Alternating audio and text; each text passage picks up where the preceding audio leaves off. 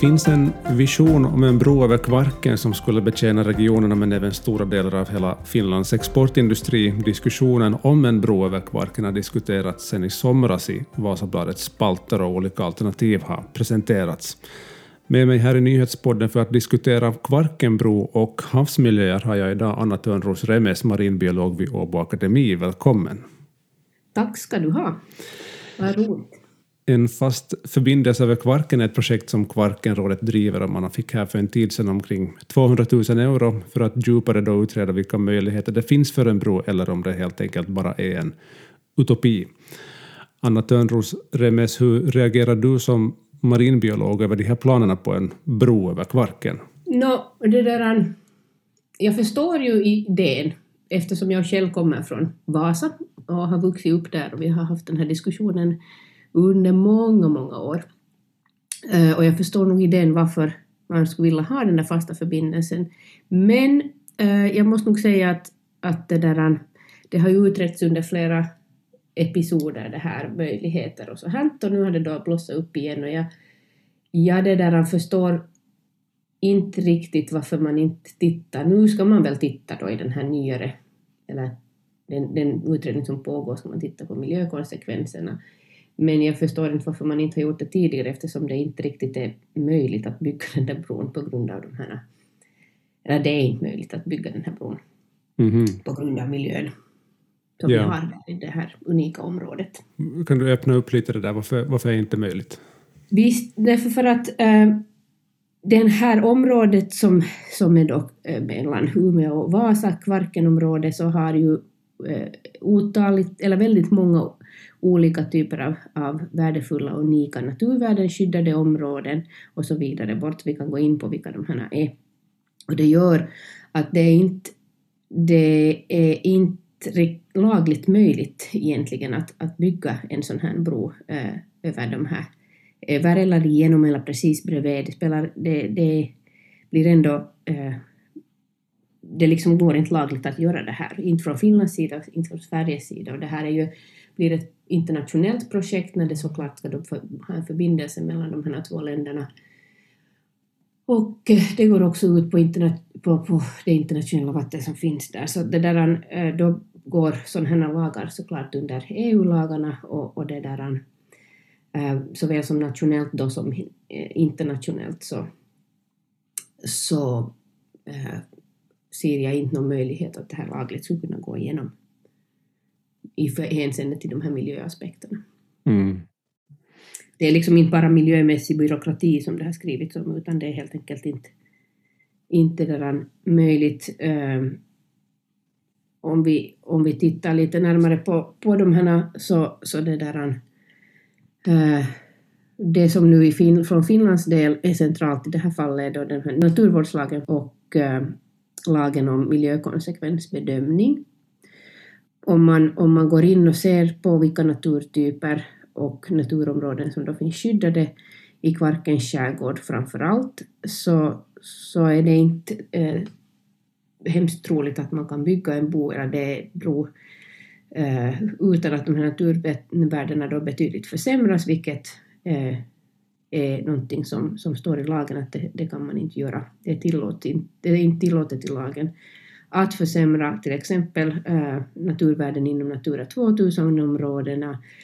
Det finns ett, ett, antal olika naturskyddsprogram inom det här området. Eh, och det där etablerade naturskyddsområden, om vi nu bara tittar på naturskyddsområden, sen har vi ju Unescos del också, men att den, den äh, gäller inte under de här skyddade områdena. Så den, den är också en annan diskussion.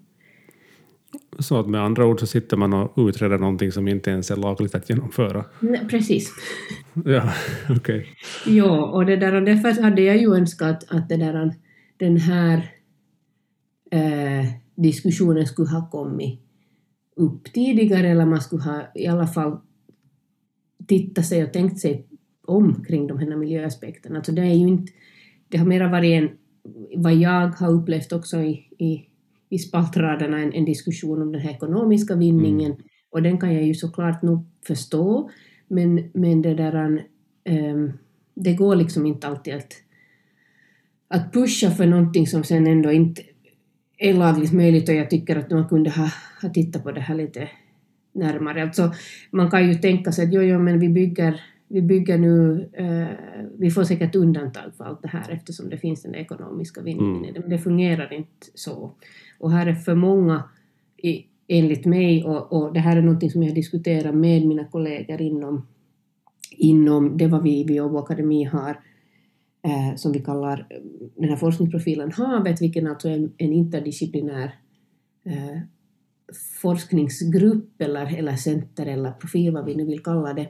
Och där har vi en maritim jurist med eh, och också de här från, från energi eller businesssektorn med och, och också från den här marina havsförvaltningsdelen och samhällsvetenskaperna. Och, och det där inte, ser inte riktigt möjligt ut det här mm. alls. Så man kunde nog ha besparat sig en del pengar. Sen tycker jag ju att det finns andra saker eller man kan titta på den här, den här området och den här den förbindelse som vi nu då alltså har med den här nya färjan som kommer och, och vad man kan göra med det på ett helt annat sätt och det, det pratar jag gärna om. Det är ju en fantastisk möjlighet det här området att, att det där äh, hållbart utveckla det här äh, med genom att använda de här äh, naturvärdena som finns här snarare nu då än att, att försöka kringgå all vad de nu kallar det, miljö, miljömässig byråkrati.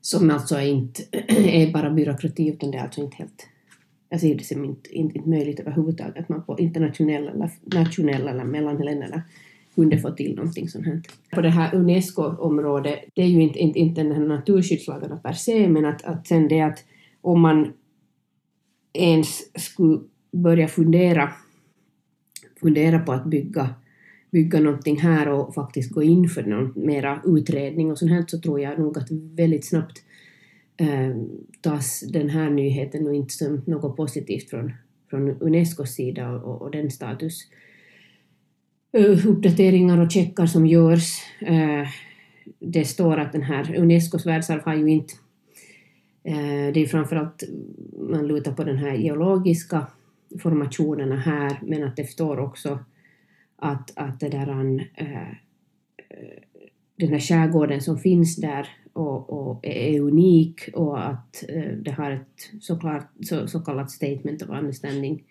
of universal value, det här området. Och det där börjar man, börjar man förbereda större projekt för någonting sånt så tror jag väldigt snabbt att, att man förlorar en sån status också. Eh, och det skulle ju vara så det är liksom inte sådär att hur kan man bygga den här bron och ha kvar världsarvet, det, det ser jag nog inte heller som möjligt. Mm. Hur ser du att man skulle kunna utveckla den här förbindelsen som finns i nuläget med, med liksom det, den befintliga förbindelsen? Ja, alltså där, där har de ju satsat, här, där har ju området satsat och, och, och städerna satsat eh, och, och det där han gått in nu för att bygga en, ett eh, mycket grönare och en riktigt, eller riktigt grönt äh, skepp på alla sätt och vis. Och, eller fartyg och, och det där ska just sjösätta något sånt. Det är klart att det finns en den här tidsspännen för, en, för ett sånt äh, fartyg äh, kanske, den är väl rimligtvis kortare än vad det här projektet potentiellt kunde vara i framtiden men, men det där, äh, man kunde tänka sig att utveckla, utveckla den här nu i alla fall eftersom man mer och mer bygger eh, mer klimatvänligare och, och mindre eh, och, och sådana fartyg som, som påverkar miljön ännu mindre eh, jämfört med till exempel en tungt trafikerad bro med, eh, med tung, tung trafik och en klimatstämpel som, som jag nu inte har sett eh, vad det egentligen skulle kunna vara. Så det, det som man då har diskuterat och som vi också har lyft fram i en enkät är att eh, det finns, man har funderat på lite olika sträckningar eller dragningar för hur den här bron då eventuellt skulle kunna placeras, men oavsett så skulle då det här inte vara någon riktigt liten konstruktion eftersom det skulle ta ungefär en timme att ta, ta sig över med, med bil över till Umeå. Att vilka följder skulle det här få för, för rent konkret havs miljön, bottenlivet, att, att göra så här stort ingrepp?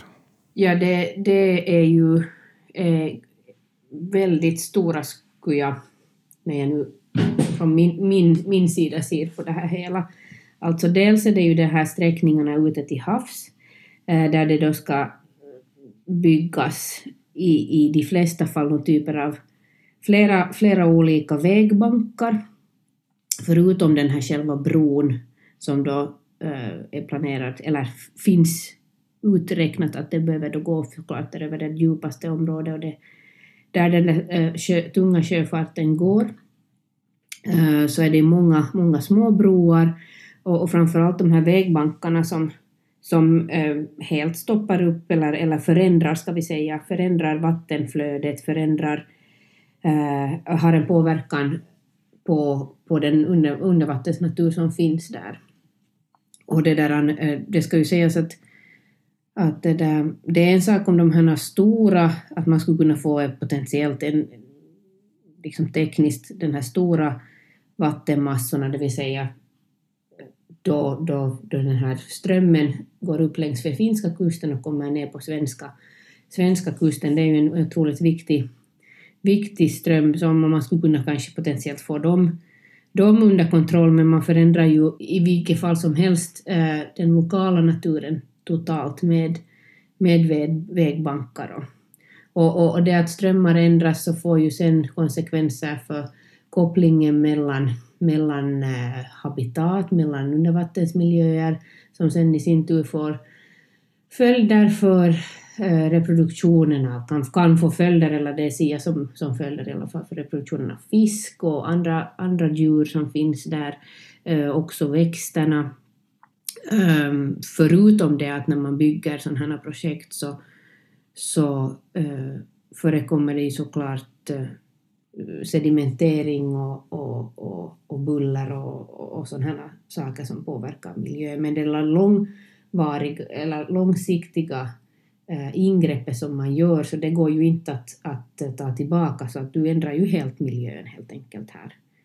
Äh, om man tänker just på, på undervattensmiljön. Mm.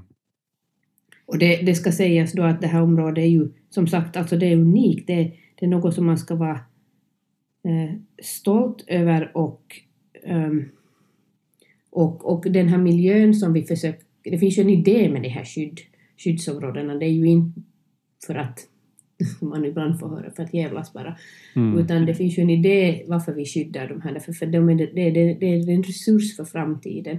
Det är ju inte, inte, inte, inte kan fiskar leva där, inte får, får vi fisk, fisk liksom upp från havet om inte vi har en miljö som är som ehm, som, där det, det finns möj, ges, ges möjlighet till det här. Mm. Vet du alls här hur det ligger till för att eh, i det här sammanhanget så, så lyfts ju då Öresundsbron mellan Sverige och Danmark upp som en slags jämförelse när man diskuterar en bro mellan Vasaregionen och, och, och Umeå.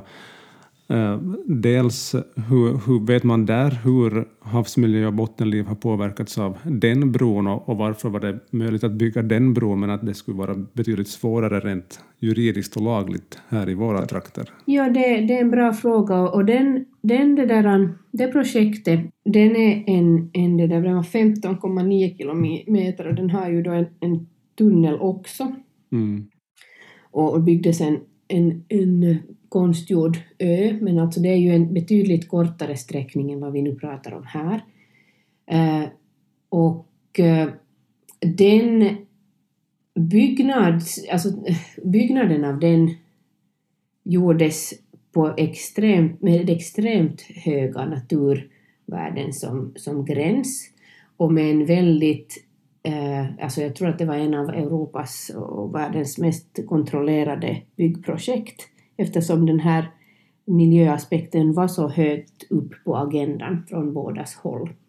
Och, och det var möjligt att de hade en, en separat panel som var utsedd av ministerierna för att övervaka det här och, och eh, de här värdena för hur mycket, mycket sediment det här kunde orsaka under när man byggde det, hur mycket sediment det fick komma upp i vattenmassan till exempel och, och vad, vad påverkan var Eh, på, den, på bottenmiljön utanför det här byggnadsprojektet då var, var väldigt snäv och väldigt eh, högt satt. Så därför lyckades man faktiskt också eh, väldigt bra sist och slutligen med att, att inte påverka den här miljön allt för mycket plus att man satte också in nya skyddsramar eh, kring till exempel fiske i det här området och så vidare som sen nu då över tid har, har faktiskt hjälpt det här området och det, den har väldigt höga naturvärden och, och, och det här fisk, fisk som inte har funnits i området har kommit till och så vidare bortåt. Men det, nu, nu pratar vi om en, en fem gånger större projekt mm.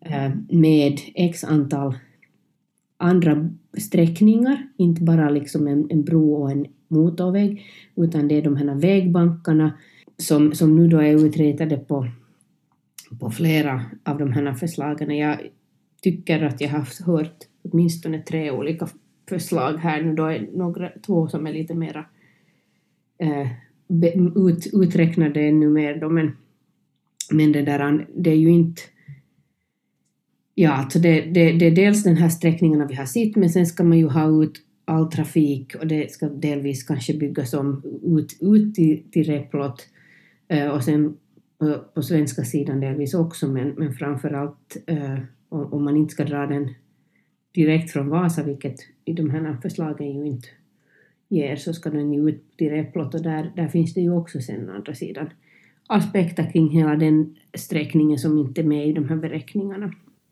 Så det, det, är helt enkelt det att det, så, det här är så pass frågan om så pass mycket mer omfattande projekt än, än vad man hade då där man, då man byggde bron mellan Danmark och Sverige. Ja, och, och det, det finns också äh, beräkningar på... Man, sällan tar man med de här miljökostnaderna av att, att, att hålla ett högt, en hög, hög liksom gräns för de här, hur mycket man får påverka naturen i de här slutliga kost, kostberäkningarna. Eh, det har gjorts eh, nog en utredning om vad det inne, innebar för Öresundsbron, men det är också bara uppskattningar. Att, att det där här, I de här förslagen eh, som jag nu har hört talas om och läst kring och varit uppe i Agenda så har man ju inte ens beräknat med eller beräknat det här, den här, vad allt de här miljökonsekvenserna skulle kunna innebära och vad det skulle, med själva byggandet alltså, och hur mycket det blir sen för en extra prislapp på det här projektet.